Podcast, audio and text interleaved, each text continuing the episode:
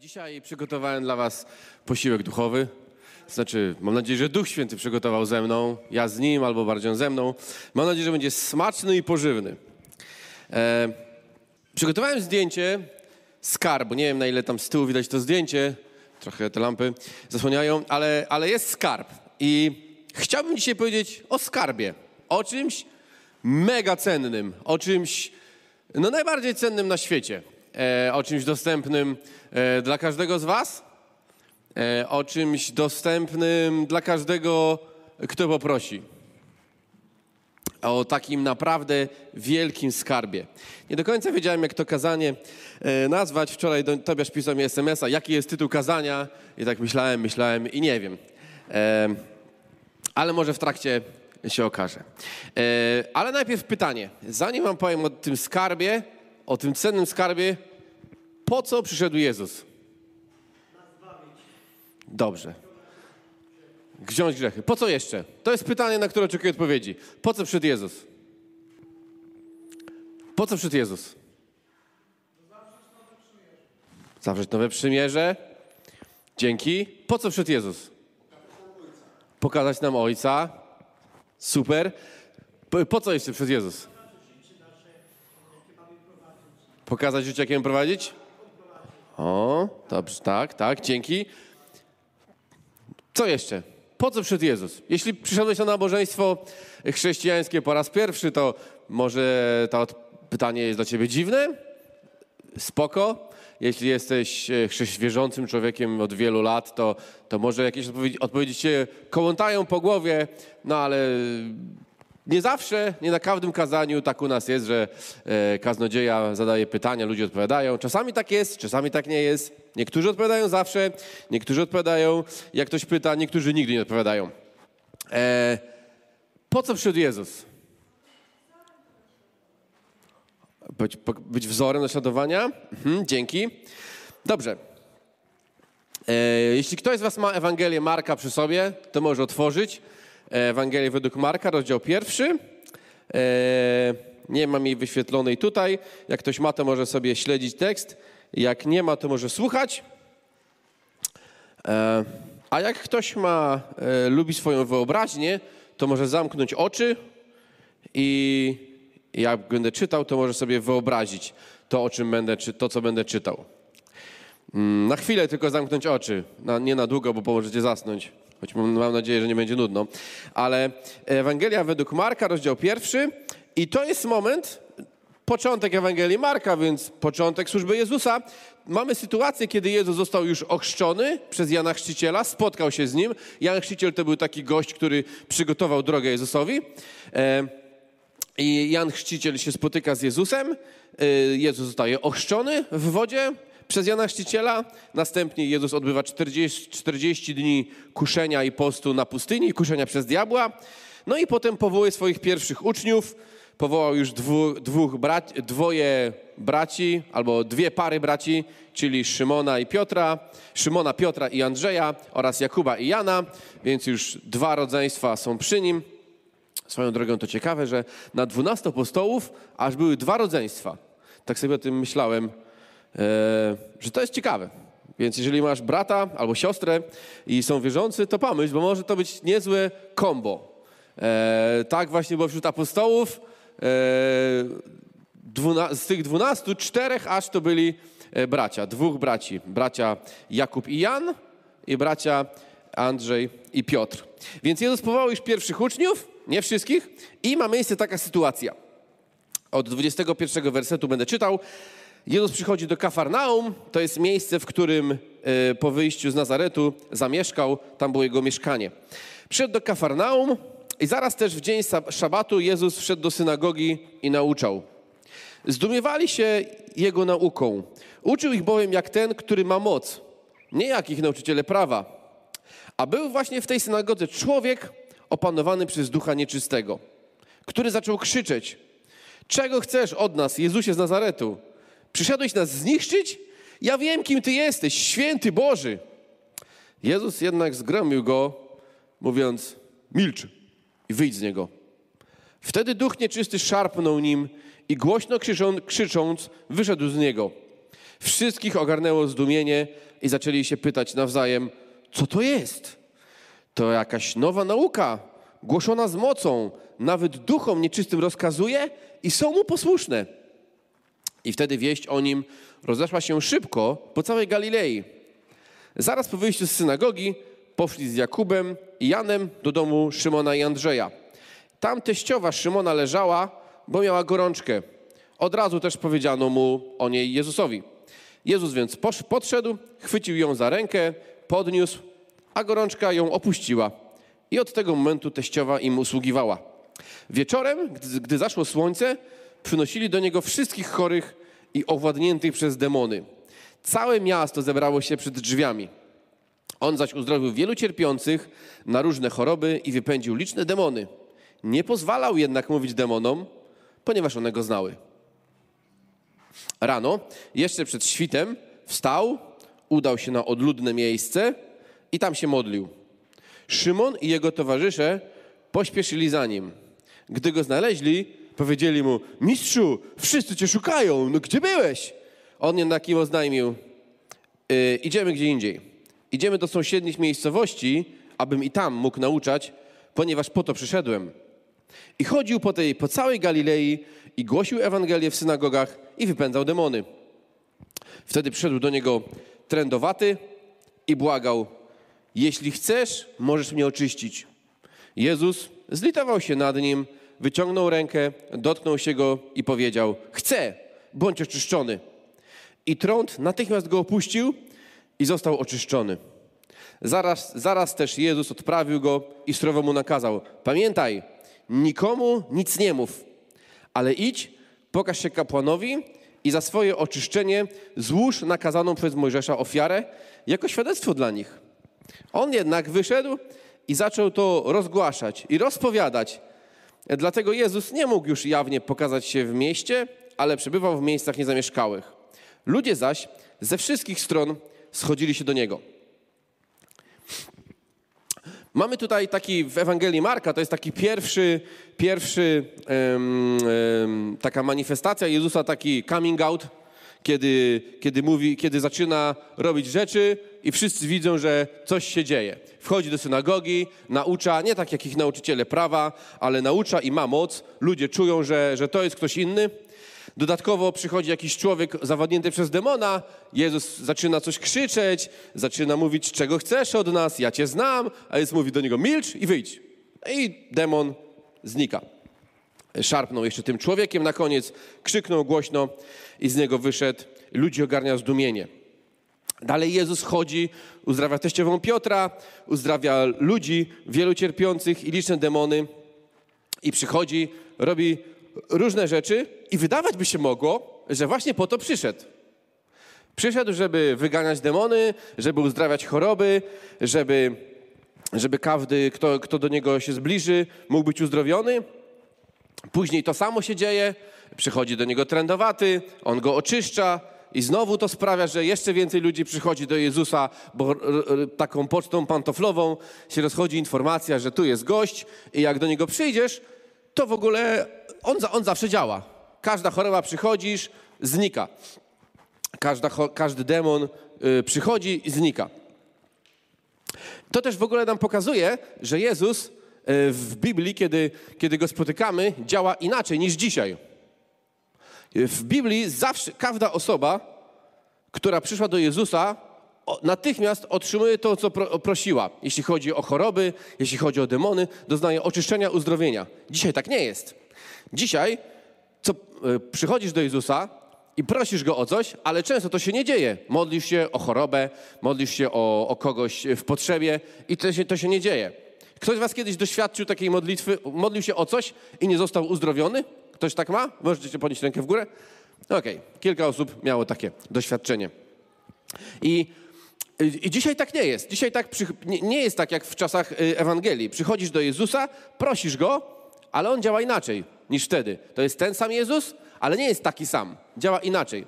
Za to mamy dużą przewagę nad ludźmi w Biblii, że możemy zawsze przyjść do Jezusa, możemy w każdej chwili nas słyszy, możemy się do Niego pomodlić. W czasach e, 2000 lat temu Jezus był na ziemi osobiście, ale nie każdy mógł się z Nim spotkać. Ludzie, którzy wtedy mieszkali w Afryce, w Ameryce Południowej, w Australii, w Europie nawet, no nie za bardzo mogli do niego przyjść. Zresztą zanim by się dowiedzieli w Australii, że Jezus jest w Jerozolimie, no to zanim by przyszli, to jego już by tam nie było. Bo jego taka publiczna działalność trwała około trzech lat, więc zanim by ta wieść się doszła, oni by przy, zdobyli jakiś sposób na y, przetransportowanie się, to, y, to, to by nie było tak szybko. Nie mieli wtedy samolotów, nie mogliby sobie wsiąść i przelecieć samolotem. I kiedy robi się dużo zamieszania wokół Jezusa, on poka naucza, pokazuje, w środku mówi fajną rzecz, która siedzi mi w głowie od wielu lat. Jezus mówi, po co przyszedł. I to jest, dlatego zacząłem to kazanie pytaniem, po co przyszedł Jezus, ponieważ tekst, który dzisiaj przeczytałem, na nie odpowiada. Oczywiście to nie jest jedyny powód, aby przyszedł Jezus i kiedy odpowiadaliście, odpowiadaliście na pytania, po co przyszedł Jezus, to oczywiście tych odpowiedzi jest więcej niż tylko jedna dobra. Ale dzisiaj chciałbym się skupić na jednej, którą znajdujemy w tym tekście, a konkretniej w 38 wersecie. E, rano, zanim zaczęło, jeszcze zanim słońce wzeszło, Jezus wyszedł, aby się modlić, rozmawiał z Ojcem e, na miejscu odludnym, gdzie nie było ludzi i zaczęli go szukać. Oczywiście, oczywiście Piotr był tam, Piotr jest zawsze tam, gdzie coś się dzieje i zawsze, zawsze coś mówi. To jest zawsze y, człowiek, który taki w gorącej wodzie kąpany, dziś, dziśmy powiedzieli. On zawsze coś ma do powiedzenia. E, często go Jezus punktuje, ale dzięki temu dużo się dowiadujemy. I, i tutaj była taka podobna sytuacja. Mm, e, szukają Jezusa i, mówi, i mówią, gdzie ty byłeś, Jezu? Wszyscy cię szukają.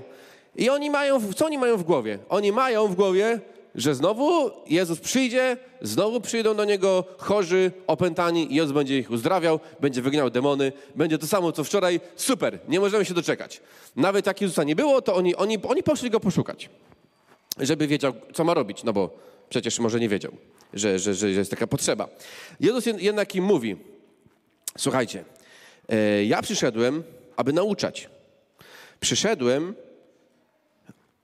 aby nauczać. Po to przyszedłem chodźmy do innych miejscowości.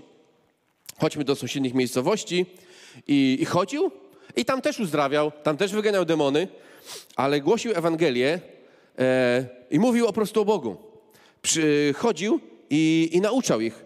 Nie tylko przyszedł po to, żeby jak najwięcej uzdrowić i cudów zrobić, to było jakimś takim pobocznym efektem jego służby. Dzięki temu też dużo ludzi, widzimy w tym tekście, że dzięki temu, że tak się działo, dużo ludzi do niego przyszło, się dowiedziało. Dzięki temu mógł więcej ilości ludzi opowiedzieć Ewangelię, opowiedzieć o Bogu. Ale y, nadrzędnym celem nie było właśnie, przynajmniej z tego tekstu, tak to wydaje się wynika, nie było, żeby jak najwięcej ludzi uzdrowić i, i uwolnić od demonów, ale żeby nauczać. I właśnie potem przyszedł Jezus. Przyszedł, żeby nauczać, albo głosić, zwiastować, kazać, czyli kazania głosić. W różnych przekładach Biblii jest tutaj różne słowo zastosowane.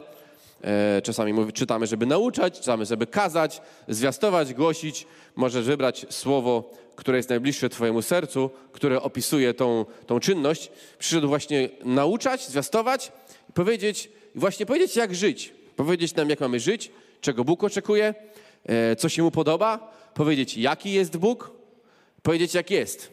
Powiedzieć o Bogu to, co się nie można dowiedzieć. Część, część rzeczy o Bogu możemy się dowiedzieć, patrząc na, na świat, na przyrodę. Bóg się objawił w stworzeniu, Dlatego też czytamy w liście do Rzymian, że żaden człowiek nie będzie mógł się przed Bogiem usprawiedliwić, że nie wiedział, że nie znał, bo patrząc na stworzenie, patrząc na świat, patrząc na nas samych, jacy jesteśmy skomplikowani, piękni, e, jak, to, jak życie jest takie kreatywne, jacy jesteśmy kreatywni, jak umiemy tworzyć, możemy poznać Boga. Częściowo. Większość jednak o Bogu możemy się dowiedzieć nie ze stworzenia i z obserwacji świata, e, ale z Biblii.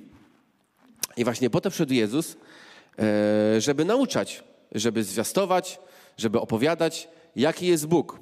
I dzisiaj chciałbym się pozachwycać tą księgą. Biblią, nie samą y, y, tą książką jako przedmiotem, no bo to jest papier po prostu z nadrukowanym tekstem. E, to są słowa, to są literki ułożone w słowa, które się układają w zdania, które przekazują pewną informację. Ale więc nie tylko nie chcę się zachwycać przedmiotem, o tym później jeszcze powiem, ale chcę się zachwycać treścią tej księgi i, i tym, jak ona jest wspaniała, jak zmienia życie i, i, i właśnie po co ją mamy, do czego ona może służyć w Twoim życiu. I Jezus właśnie e, po to przyszedł, żebyśmy mieli Biblię. Co prawda, Stary Testament, no właśnie, czy byśmy mieli Stary Testament bez Jezusa? No bo Nowy Testament wiadomo, że bez Jezusa by nie mógł powstać, no bo zaczyna się Nowy Testament od Ewangelii, później są dzieje apostołów, którzy robili po Jezusie, później są listy do kościołów, objawienie, więc bez Jezusa Nowy Testament by nie istniał, no ale Stary Testament też by nie istniał, bo Stary Testament zapowiadał przyjście Jezusa. Był cały napisany pod kątem tego, że, że przyjdzie Mesjasz, żeby przygotować ludzi na Mesjasza, więc tak naprawdę Stary Testament też nie mógłby istnieć. E, Biblia jest takim, ja jako e, lubię używać e, trochę tego jako instrukcji obsługi, to moja taka, mm, takie moje zboczenie zawodowe, jeszcze z bycia inżynierem. Lubię instrukcje obsługi, mi zawsze towarzyszyły, jakieś manuale, jakieś schematy. Lubię, lubię wiedzieć, jak, jak rzeczy działają. Czasami się wkurzam, jak nie wiem, jak coś działa i nie mogę tego zrozumieć, albo nie wiem, jak to poznać ale lubię, lubię tą wartość Biblii jako takiej księgi, która pokazuje, jak jest taką instrukcją naszego życia. Instrukcją życia dla mnie samego, że ja mogę siebie zrozumieć, czytając Biblię. Ja mogę zrozumieć innych ludzi. Nie zawsze, oczywiście, ale dużo zachowań innych ludzi staje się dla mnie bardziej zrozumiałe, kiedy, kiedy czytam Biblię i kiedy się dowiaduję o tym, jacy są ludzie. Jaki ja jestem. Często moje zachowania są dla mnie niezrozumiałe. Może też macie takie doświadczenie, że nie rozumiecie samych siebie. Patrzysz w lustro, widzisz tą twarz, ale myślisz, dlaczego ja tak się zachowałem? Dlaczego ja tak myślę? Dlaczego ja taki jestem? Czy ja mógłbym być inny, gdybym zechciał? No i przede wszystkim, oczywiście, Biblia też pokazuje, objawia nam Boga. Dzięki Biblii możemy zrozumieć Boga na tyle, na ile jesteśmy w stanie go zrozumieć. W pełni to nigdy nie będzie, oczywiście, bo stworzenie nie jest w stanie zrozumieć Stwórcy w pełni, E, jest w stanie zrozumieć Stwórcę tylko na tyle, na ile jest to możliwe i na tyle, na ile Bóg się nam objawił. Czytamy właśnie w liście do Tymoteusza, apostoła Pawła, że całe pismo przez Boga jest natchnione i pożyteczne do nauki, do wykrywania błędów, do poprawy, do wychowywania w sprawiedliwości, aby człowiek Boży był doskonały. Po co? Aby był przygotowany do wszelkiego dobrego dzieła. I Biblia jest dla nas taką właśnie instrukcją życia. Jezus przyszedł i powiedział, jacy jesteśmy i powiedział nam, jak żyć. E, Biblia jest taką instrukcją dla Twojego życia, żebyś mógł e, właśnie być, e, się uczyć, żebyś mógł się nauczyć, żebyś mógł, jak się nauczysz, żebyś mógł wykryć błędy. Jak wykryjesz błędy, żebyś mógł je poprawić i żebyś to wszystko służyło wychowaniu sprawiedliwości, abyś był użyteczny, przygotowany do wszelkiego dobrego dzieła, doskonały lub może lepiej dojrzały. Dzisiaj słowo doskonały nam się kojarzy z, z ideałem niedoścignionym, ale bardziej tu chodzi o taką doskonałość, czyli przygotowanie do wszelkiego dobrego dzieła. Więc jeśli chcesz być przygotowany do dobrych uczynków, przygotowany do, do wykonywania dobrych rzeczy, to czytaj Biblię. To jest pismo natchnione przez Boga i pożyteczne do, do tych wszystkich rzeczy, abyś właśnie do dobrych rzeczy był przygotowany i mógł je wykonywać. Mógł, żeby Bóg mógł ci je dać i żebyś mógł je robić. Dalej, Biblia jest jak taki rentgen. E, rentgen, który cię prześwietla. Tutaj pozdrowienia dla e, studentów medycyny, oczywiście. E, Biblia jest jak taki rentgen, który prześwietla ciebie, prześwietla twoją duszę. Celowo użyłem zdjęcie rentgenu czaszki, bo Biblia prześwietla twoje myśli. Prześwietla to, kim jesteś. I oczywiście ona też może służyć do prześwietlenia czyichś myśli, ale tu trzeba być ostrożnym. Czasami mamy taką pokusę, żeby czyjeś zachowanie osądzić, a, a swojego nie. Ale y, trzeba patrzeć też nie tylko na swoje y, intencje, ale też na swoje czyny. I w innych ludziach odwrotnie. Innych ludzi osądzaj nie tylko za ich uczynki, ale też za ich intencje. Czasami mamy taki, taki cytat, że siebie oceniamy za intencje, a innych ludzi za czyny.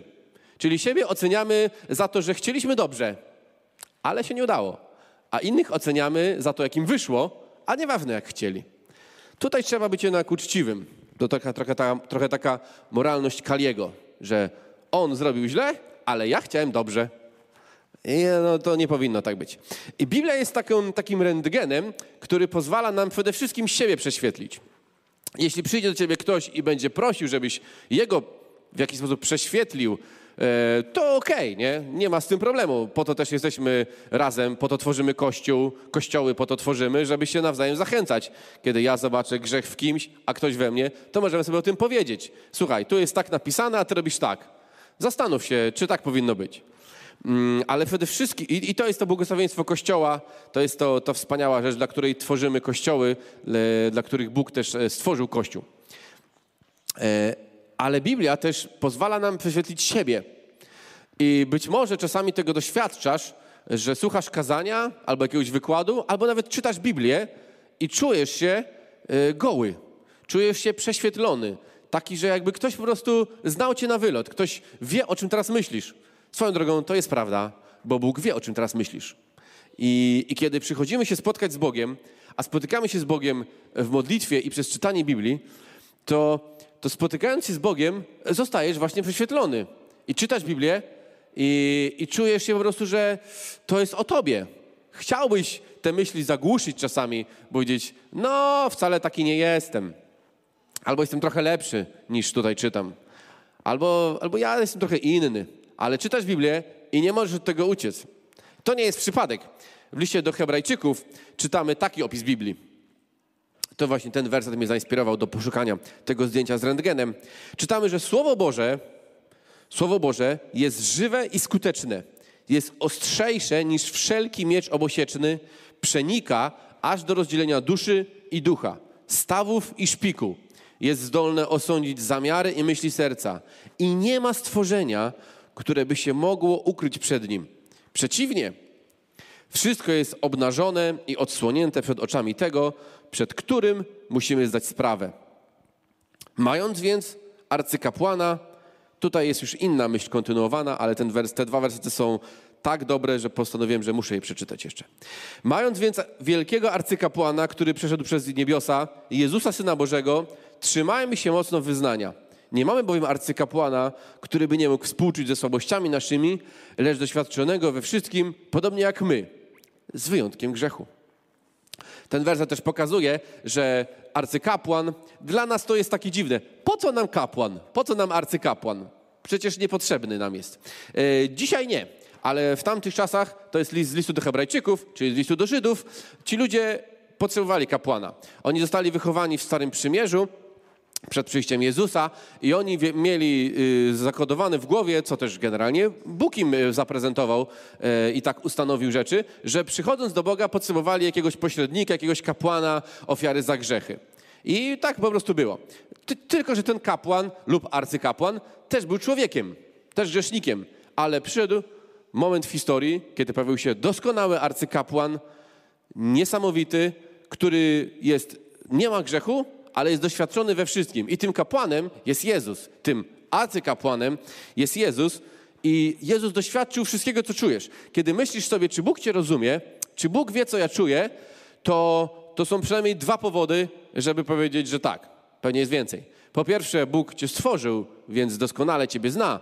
Po drugie, Jezus, Bóg stał się człowiekiem, aby ciebie rozumieć, aby wiedzieć, kim jesteś, aby mógł ci współczuć i i wiedzieć, co to znaczy być niewyspanym, co to znaczy być zmęczonym, co to znaczy być zdenerwowanym przez ludzi, przez rodzinę, przez mamę, przez rodzeństwo, e, przez e, co to znaczy być głodnym, to znaczy być chorym, jak to jest być właśnie zmęczonym. Jezus wszystkiego doświadczył, oprócz grzechu, oczywiście, dlatego też jest tym doskonałym arcykapłanem, ale On Cię rozumie i może Ci współczuć. Jeśli nie oddałeś swojego życia Jezusowi, to zrób to to, to zrób to czym prędzej. Im szybciej, tym prędzej. Naprawdę nie ma, nie ma na co czekać.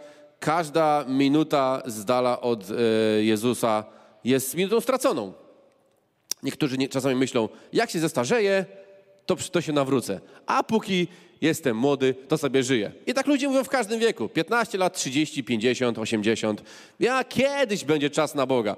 Rozmawiałem w tym tygodniu z jednym chłopakiem. Mówi, no E, wiesz, ja to jeszcze tak za dwa i pół roku się nawrócę, przyjdę do Boga. Teraz to jeszcze sobie zioło popalam, z kolegami imprezuję, mam jakiś taki projekt muzyczny, który chcę zrobić, nie? Ale przyjdzie czas, za dwa i pół roku skończę z tym i się nawrócę. No, co myślę, gdybyś wiedział, jak dobry jest Bóg, to byś w tej sekundzie oddał mu swoje życie i to porzucił. A jak mówi, że kiedyś przyjdzie czas, to, to nie oceniam tego człowieka, ale to po prostu znaczy, że on nie rozumie, jak Bóg jest dobry. I nie rozumie, jeśli oddala ktoś sobie tą czynność przyjścia do Boga, to znaczy, że po prostu nie wie, jak dobry jest Bóg. Bo gdybyś wiedział, jak dobry jest Bóg, to od razu byś do Niego przyszedł. Bez straty ani sekundy. Ale wracając do Słowa Bożego. Słowo Boże jest żywe i skuteczne, jest ostrzejsze niż wszelki miecz i rozdziela wszystko. I właśnie to jest ta funkcja Biblii, właśnie jakiego tego rentgenu. Kiedy ją czytasz, to po prostu twoja dusza zostaje prześwietlona. Jak, ta, jak, jak taki właśnie, jak w, w, w prześwietleniu. I o, zamiary i myśli serca są osądzone, rozdziela duszę i ducha, staw szpik. To, to sprawia, że, że czytając Biblię albo słuchając może jakiegoś wykładu Słowa Bożego czy kazania, za, y, czujesz, że w ogóle ktoś, by ci, ktoś cię zna. I to nie jest y, elokwencja kaznodziei czy jego przygotowanie, przynajmniej nie powinno tak być. To dlatego, że kiedy Pan Bóg dotyka z twojego serca poprzez Słowo Boże, to, to właśnie czujesz, że to jest coś więcej niż tylko jakiś wykład, jakieś przemówienie. To jest coś głębokiego, coś, co e, zmienia Twoją duszę. Słuchałem e, w tym tygodniu takiego wykładu, e, wywiadu ciekawego, wywiadu pastora Michała Szlachetki z Agatą Strzyżewską i bardzo, bardzo mi się spodobał jeden cytat, który, który tam padł. Kochasz Boga na tyle, na ile kochasz Jego Słowo. I to jest taki, myślę, wa ważny miernik. Zapadł mi ten cytat w pamięć bardzo mocno, że, że nasza miłość do Boga jest yy, współmierna z tym, na ile kochamy Jego Słowo. To są skorelowane uczucia. Nie da się ich rozłączyć. Jeżeli kochasz Boga, to powinieneś kochać Jego Słowo. A jeżeli nie kochasz Słowa Bożego, jeżeli nie kochasz Biblii, tej treści, yy, nie, nie kochasz spotykać się z Bogiem w Biblii, no to ja nie wiem, czy Twoja miłość do Boga jest naprawdę gorliwa. To taki cytat trochę kontrowersyjny, trochę taki może oskarżający. No ale, ale myślę, że jest prawdziwy, że, że naprawdę nasza miłość do Boga jest odzwierciedlona w naszej miłości do Jego Słowa, do tego, jak je znamy, jak często je czytamy, jak bardzo wgłębiamy się w Jego treść, jak bardzo zapoznajemy się z Nim, jak bardzo myślimy o nim. Przeczytamy coś i może o tym myślimy, kiedy zasypiamy wieczorem, kiedy jedziemy do pracy, kiedy zmywamy naczynia albo wieszamy pranie. Czy, czy właśnie, czy kochasz Słowo Boże? Jeśli pytałbym cię, czy kochasz Boga, większość ludzi powie tak. Niektórzy powiedzą nie, niektórzy powiedzą nie wiem. Większość ludzi jednak powie tak, kocham Boga. Ale to zadam ci drugie pytanie. Czy kochasz Biblię? Czy kochasz Boże Słowo? Czy ono jest dla ciebie cenne? Zastanów się. Wydaje mi się, że ten cytat jest naprawdę trafny i, i bardzo dobrze odzwierciedla to, że nasza miłość do Boga bierze się i jest, e, jest skorelowana z tym, jak bardzo kochamy Jego Słowo. E, parę dni temu jeden chłopak z młodzieży do mnie napisał, Słuchaj, Matek, szukam jakiś taki werset o przyjaźni, nie? Co to było? Czy możesz mi, e, mi przypomnieć? Ja, bo e, z, zapomniałem.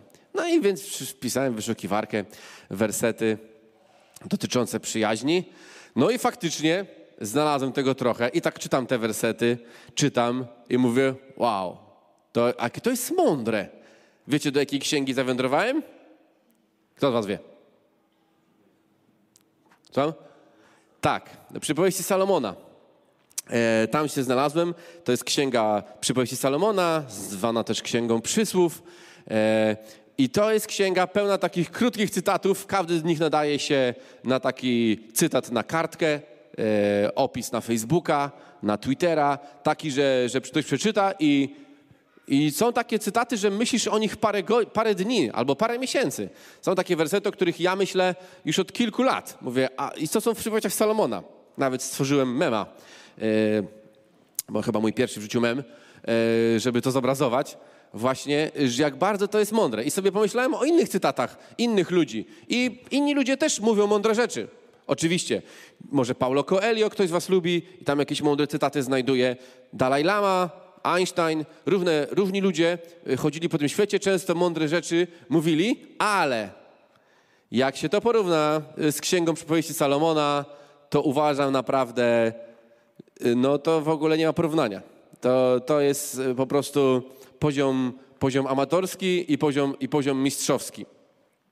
E, przypowieści Salomona to jest naprawdę, naprawdę mega księga. I takich pełna cytatów, takich, które czytasz i od razu spróbuj sobie przeczytać. Mam wyzwanie dla was. I przypowieści Salomona są taką księgą, że czytasz ją i od razu masz w głowie kilka osób, których ten cytat mógłbyś wysłać. Czytasz następny, mówił, o, o, a tego wyślę jemu, o, a tego wyślę jej. I tak czytasz, czytasz. Mam dla was wyzwanie. Niektórzy z was lubią wyzwania biblijne, niektórzy nie lubią. Spoko. Jak ktoś lubi, to mam dla was takie wyzwanie. Otóż, Księga Przypowieści Salomona ma 31 rozdziałów. Sierpień ma 31 dni.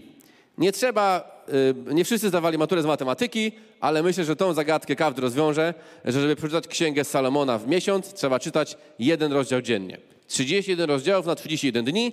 Dzisiaj tak się składa, że mamy 1 sierpnia, więc jest to znakomity dzień, żeby rozpocząć takie wyzwanie i czytać sobie jeden rozdział Księgi e, Salomona dziennie. Ja kiedyś takie wyzwanie podjąłem, super, w tym miesiącu też podejmę. E, spróbuj. Jeśli y, lubisz wyzwania biblijne albo w ogóle takie wyzwania, to, to spróbuj sobie jeden rozdział Księgi Salomona czytać dziennie. To też dzisiaj jest 1 sierpnia, więc to sprawi, że się nie zgubisz, no bo 12 sierpnia będziesz musiał przeczytać 12 rozdział.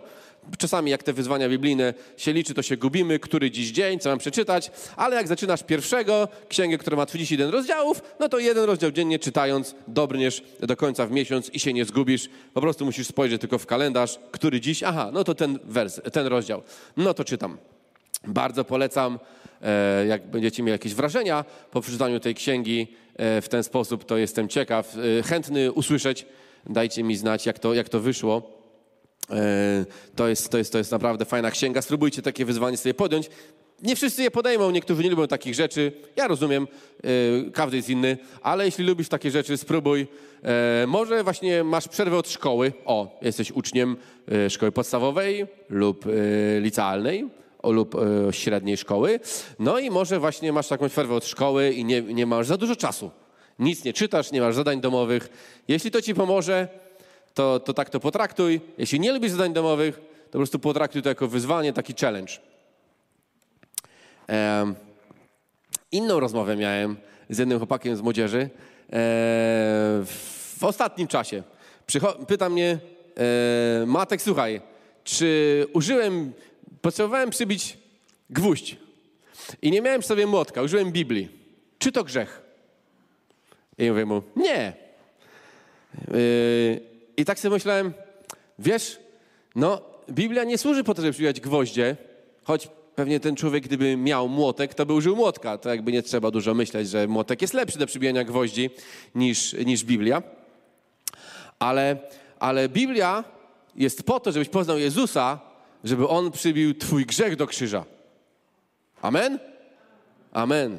To jest y, taka funkcja młotkowa Biblii, żeby twoje grzechy mogły być przybite do krzyża Jezusa Chrystusa, który za nie umarł i żebyś mógł być wolny od kary za grzech. Ale, ale zastanowiłem się jeszcze nad tym, myślałem o tym więcej. Miała na mnie wpływ ta rozmowa, ten człowiek o tym nie wie, że o tym myślałem, co mi powiedział i zastanowiłem, czy to dobrze, że on, czy, czy dobrze mu odpowiedziałem, czy to jest grzech przybić gwóźdź Biblią, czy nie. No nie, na pewno niektórzy powiedzą, że to nie można tak. Inni powiedzą, no to tylko papier, co za różnica. No właśnie. Był kiedyś taki czas w, e, na świecie, zanim przyszedł Jezus, e, w Starym Przymierzu właśnie, że właśnie były święte rzeczy. Był święty czas, szabat był, były święte zawody, święte miejsca były, święte budynki, święte przedmioty. E, I tak, tak było. Ale od kiedy przyszedł Jezus, już tak nie jest. Nie ma już świętego czasu, świętych budynków, miejsc, przedmiotów, budynków. Nie ma już takich świętych rzeczy. E, medalików jakichś. Ludzie robią sobie różne rzeczy, takie medaliki, łańcuszki, krzyżyki, różne rzeczy. Czasami jest to wykorzystywane jako broń. e, taka propagandowa do obrażania. Czasami na przykład e, na koncercie się zdarzy, że ktoś podrze Biblię. Albo ją spali, albo powrywa kartki, albo krzyż podpali i takie rzeczy robi. E, oczywiście ktoś to robi, żeby uzyskać rozgłos, żeby uzyskać e, e, jakieś tam e, szersze grono odbiorców, no bo zrobił coś skandalicznego, no to wszyscy o nim mówią, jest na stronach gazet, czasem w Teleekspresie się o tym mówi, w telewizji, że jak on mógł spalić Biblię na koncercie. Nie? I tak się niektórzy chrześcijanie wtedy wytaczają procesy o obrazę użyć religijnych i tam się sądzą, kłócą. I zacząłem się zastanawiać, czy mnie to boli? Czy mnie to boli, że ktoś właśnie Biblię by y, podarł? I tak doszedłem do wniosku, że, że mnie to nie boli.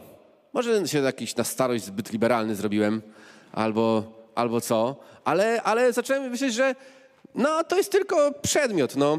To jest wspaniała, najwspanialsza księga świata, ale, ale jej, jej, ona jest cenna za, za, za jej treść.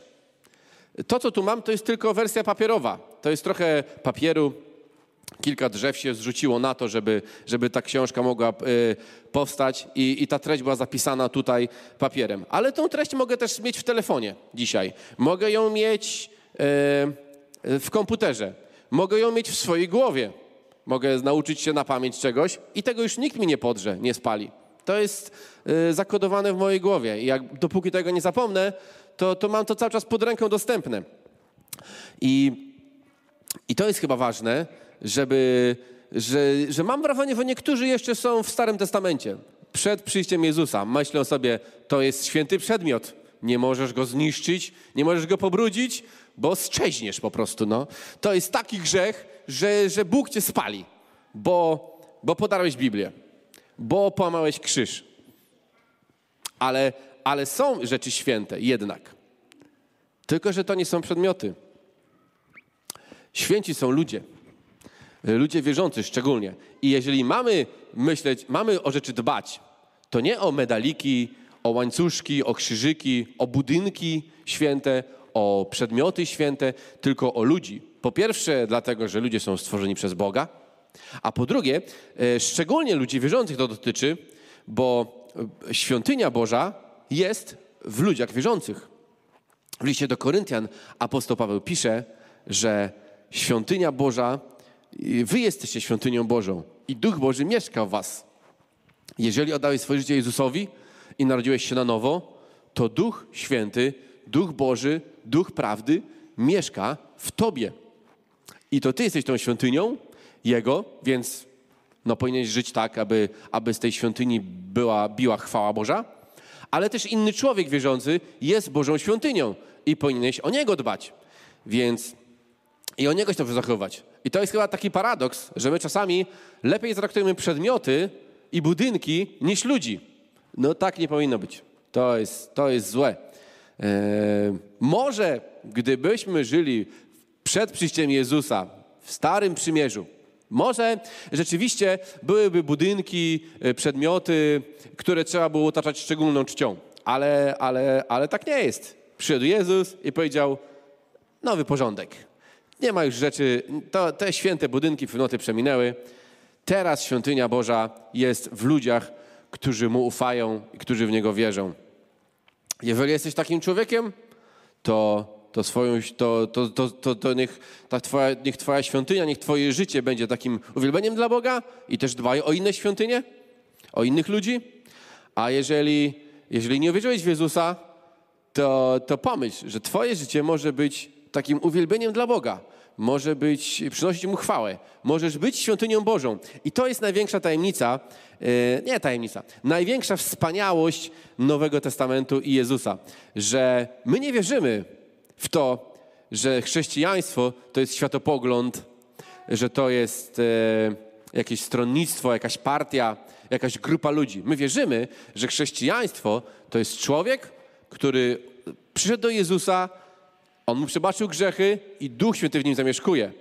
My nie wierzymy w zmianę poglądów, że przestałeś coś, przestałeś o czym tak myśleć, zacząłeś tak myśleć, jesteś chrześcijaninem. Jak to się zmieni, nie będziesz chrześcijaninem. Nie wierzymy, że robienie pewnych rzeczy lub nie robienie pewnych rzeczy zmienia cię w chrześcijanina. Bycie chrześcijaninem to to, że Pan Bóg mieszka w tobie. Jeżeli nie Jezus- swojego życia Jezusowi, no to pomyśl nad tym i zrób to czym prędzej. Tylko szczerze oczywiście, nie na pokaz. Zresztą tego nie da się zrobić na pokaz i tak nie szczerze, bo to zawsze jest szczere. Jak zrobisz to tylko, żeby inni przestali gadać, to nie zrobiłeś tego szczerze i to nie działa. Wielu ludzi pewnie tak robi, że a, dobra, powiem, co trzeba powiedzieć, żeby się od mnie odczepili i przestali gadać. To nie ma sensu. Ale, ale bycie człowiekiem wierzącym to właśnie to, że Duch Święty mieszka w tobie. Amen.